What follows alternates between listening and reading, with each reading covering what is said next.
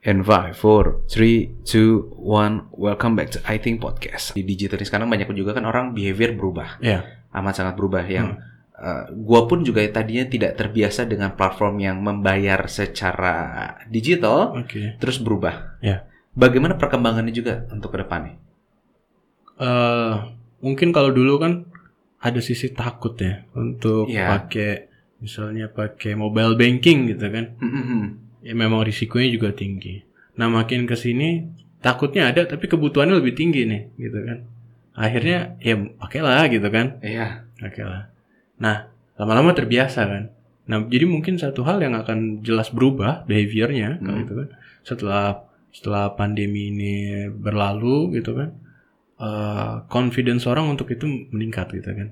Untuk untuk beralih ke sisi digital finance lah kita sebutnya gitu ya. Oke, nah berarti salah satu mungkin tips juga berarti ya Hmm. pada saat orang pembisnis saat ini seperti kayak gue juga pelaku sebagai eh, di kedai makanan. Hmm. Sekarang saat ini juga mulai harus kita mulai membuka lah ya pola Hmm. pikir kita bahwa eh, digital digital finance seperti ini tuh sudah aman. Ya. Karena kalau misalkan kita masih berpikir old school juga, balik lagi kayak tadi bilang, lu nggak berubah, lu disikat zaman. Iya. Karena kita mulai dari nol lagi. Dan maksud gue kalau kita bicara soal tadi eh, soal eh, taruhlah misalnya pinjaman ya. Nanti Mhm. kan taruh eh, larinya ke sana gitu kan. Mhm. Selain di transaksi, kita bisa simpan pinjam gitu kan. Hmm. Eh, datanya tuh sampai sekarang nunjukin. Makanya kita nggak bisa bikin kalau Amerika kan punya stimulus check ya. Hmm. Jadi setiap warga negara karena kondisi pandemi, presidennya memutuskan untuk dikasih bantuan per social security numbernya sekian dolar gitu kan. Kita nggak bisa ngelakuin itu. Alasannya simpel. Karena nggak semua orang di Indonesia punya rekening di bank. Artinya kan baru sebagian yang punya. Dan mau tebak yang punya tuh berapa persen? Berapa? 40 persen? Iya kurang lebih segitu. Nggak nyampe setengah seingat gua data terakhir. Wow. Dan angkanya lebih kecil lagi kalau kita perluas wilayahnya sampai ke ASEAN. Jadi artinya kita negara yang udah agak mendingan nih dibandingin negara-negara lain dikumpulin kalau di ASEAN. De- itu makanya peluang uh, fintech tuh emang gede banget di di di di wilayah kita tuh di wilayah Indonesia, ASEAN gitu kan, Asian countries. Se- se- wah, gue kaget sih dengan data seperti ini karena mungkin bagi orang yang terbiasa hidup di ibu kota seperti Jakarta melihat bahwa semua orang udah pasti punya ATM, semua orang pasti udah punya kartu kredit bahkan mikirnya gitu. Ya. Ternyata kalau kita ngeliat point of view lebih besar lagi hanya 40%. Uh, ya angka persisnya gue lupa ya, tapi kurang Iya. lebih segitu. Karena Setengahnya. karena juga ini suatu yang hal yang unik juga. Hmm. Makanya kenapa tadi gue bisa uh, kurang lebih nebak gitu. Uh, gua- pembantu rumah tangga gue itu ngobrol-ngobrol lah. Anaknya itu kerja apa, bisnis apa gitu kan. Terus itu ternyata anaknya itu uh, punya pekerjaan yang cukup unik menurut gue di saat gue tinggal di daerah Cibubur sini yang orang pasti mikir kayak kan udah kota gitu. Dia buka itu uh, tempat menyimpan uang, istilahnya Hmm. bank lah. Terus gue bilang, Hah, emang maksudnya masih ada penduduk yang em, melakukan nyimpen di pribadi seseorang. Ya. Nah, saya bayar 100 kan. Seratusan. Terus gue bilang, kenapa kok orang sana mikirnya gitu? Padahal kan daerah sini bank udah gampang. Maksudnya mungkin ada orang yang pengennya di bank swasta atau bank pemerintah. Ada semua pilihannya. Oke. Di sini udah. Tapi me- mereka milih ke pribadi. Dan alasan mereka kadang-kadang cuman kayak habisnya ribet. Oke. Kayak ke bank tuh ribet, terus habis itu kayak ini duitnya nanti ke mana. Dan faktanya dari data pun juga seperti itu ya. Iya. Eh, Wow. Karena kan apalagi kalau kita masuk ke daerah ya, akses ke perbankan kan cabang eh, cabang pembantu, maksudnya cab, KC, KCP ya, kantor, Kantor cabang, cabang pem- pembantu. pembantu. Hah. Untuk perbankan tuh kan makin makin ke daerah tuh makin sedikit kan. Kalau misalnya tiba-tiba dia butuh cash mau transaksi, masa harus ke sana dulu jauh banget gitu kan? Nah, eh, dengan adanya apa fintech ini, ini ini sebenarnya eh, salah satu bank yang di bawah BUMN di Indonesia sudah melakukan itu berapa tahun kemarin gitu karena dia udah punya satelit sendiri gitu Iya. kan.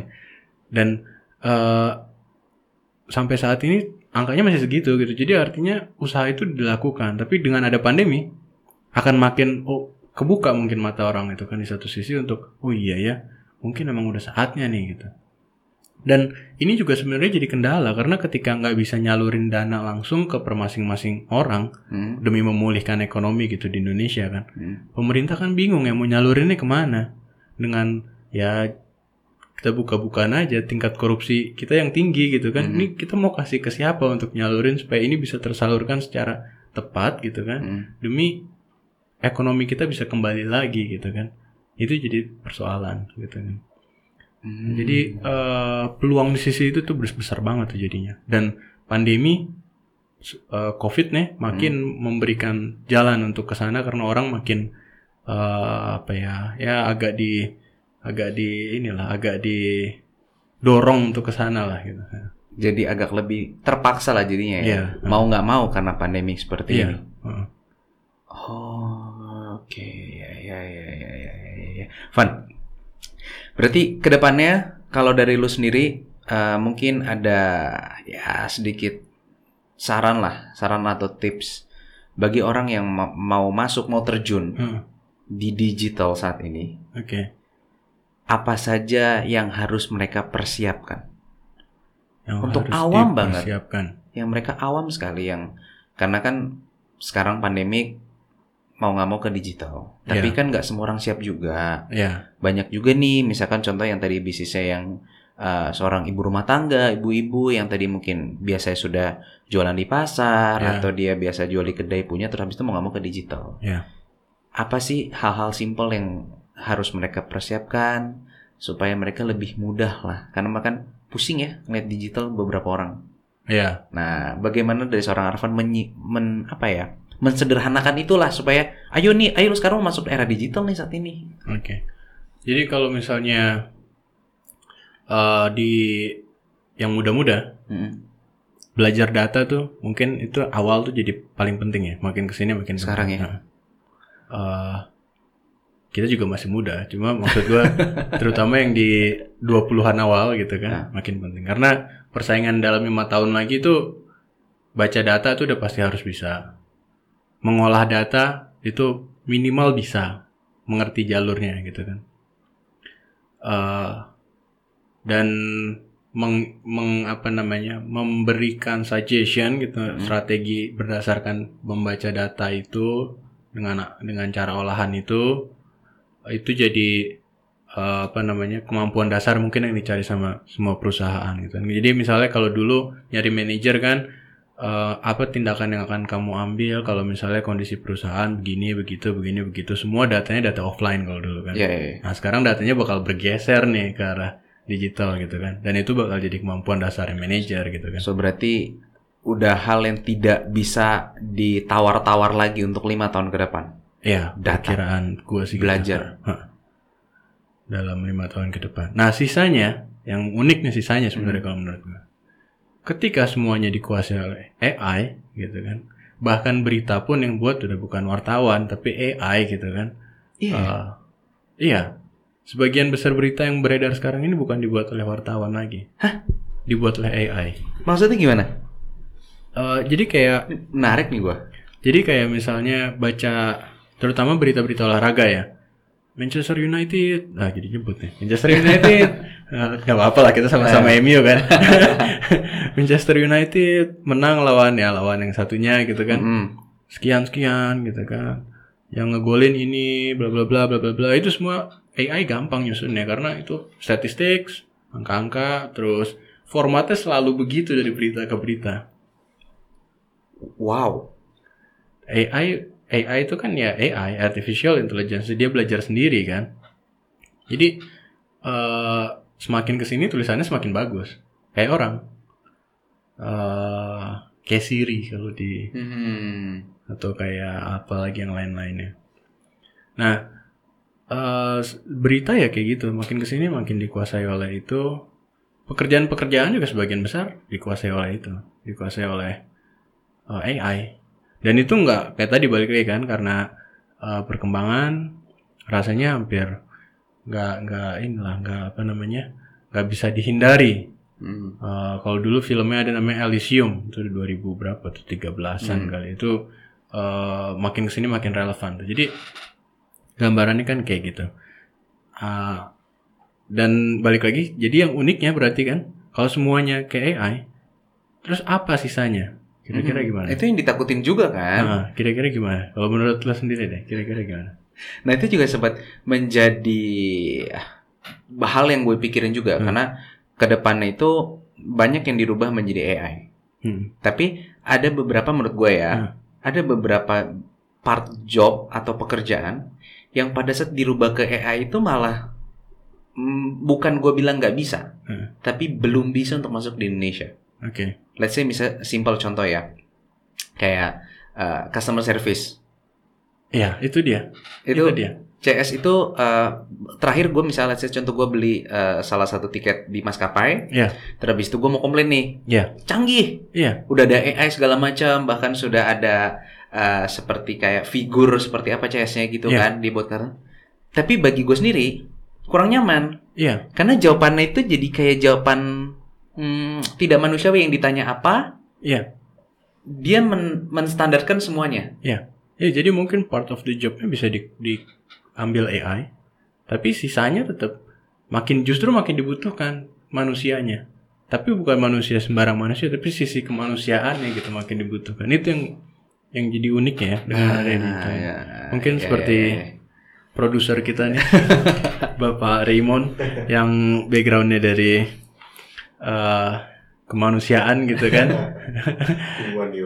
humaniora, nah, itu, ya. Oh iya iya iya.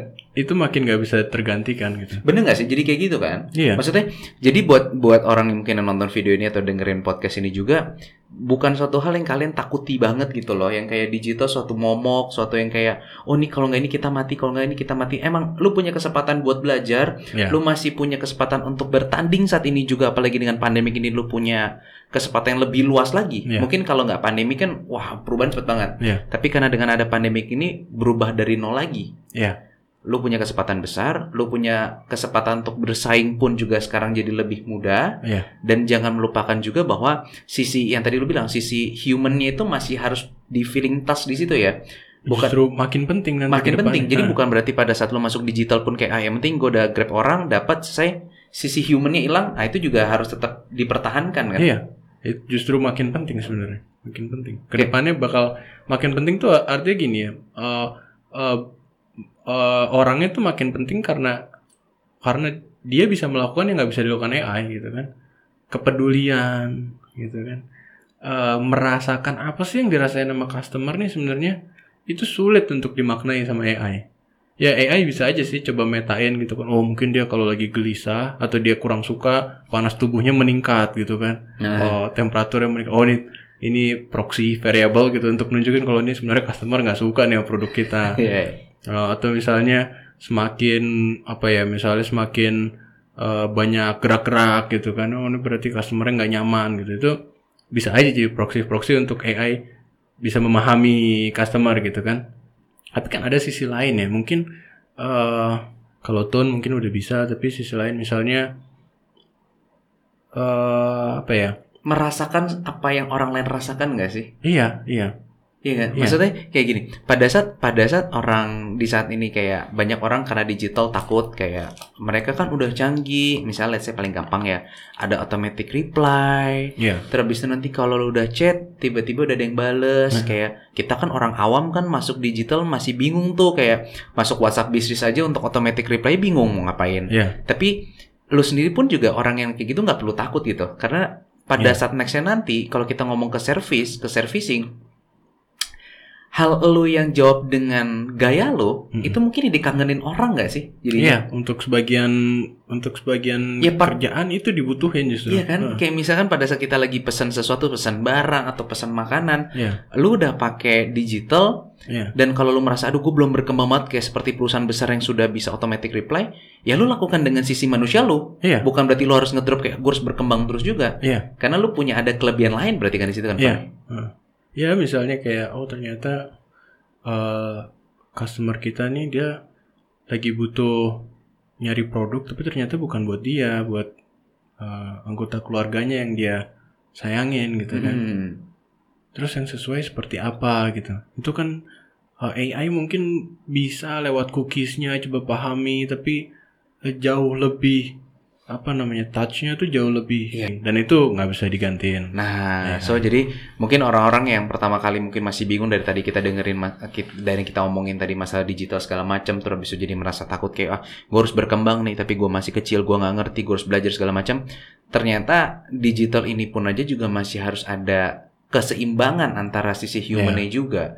Pada saat lu juga terlalu canggih ada orang yang kangen dengan sisi kayak eh, gimana kak udah nyampe belum Iya. yang gayanya yang kayak gitulah. Iya. Jadi nggak apa-apa belajar. Kita tetap berubah, tetap ya kita tidak bisa menyangkal bahwa digital saat ini sekarang sangat berpengaruh. Iya. Tapi bukan berarti pada saat lu baru mulai dan lu tidak ngerti bahwa lu menjadi kayak takut akan bisnis lu hancur atau bisnis lu nggak berkembang. Iya. Karena lu punya value lain bisa ditambah. Iya. Oke, sip. Uh, thank you Van. Sama-sama. Udah Terima sharing-sharing juga di sini. Mungkin bagi orang yang nanti mau masuk di digital, jadi nggak perlu ada rasa takut lagi bahwa kayak, hmm, gue kan belum siap nih, gue belum ini, gue belum ini. Lakuin aja apa yang Ya. lo bisa. Kalau masih belum bisa sesangga orang, masukkan sisi di human tadi yang tadi lu bilang. Ya. Sip. Terima kasih Van. Terima kasih banget Nol. Terima kasih Bapak produser. Bapak Raymond. Sip.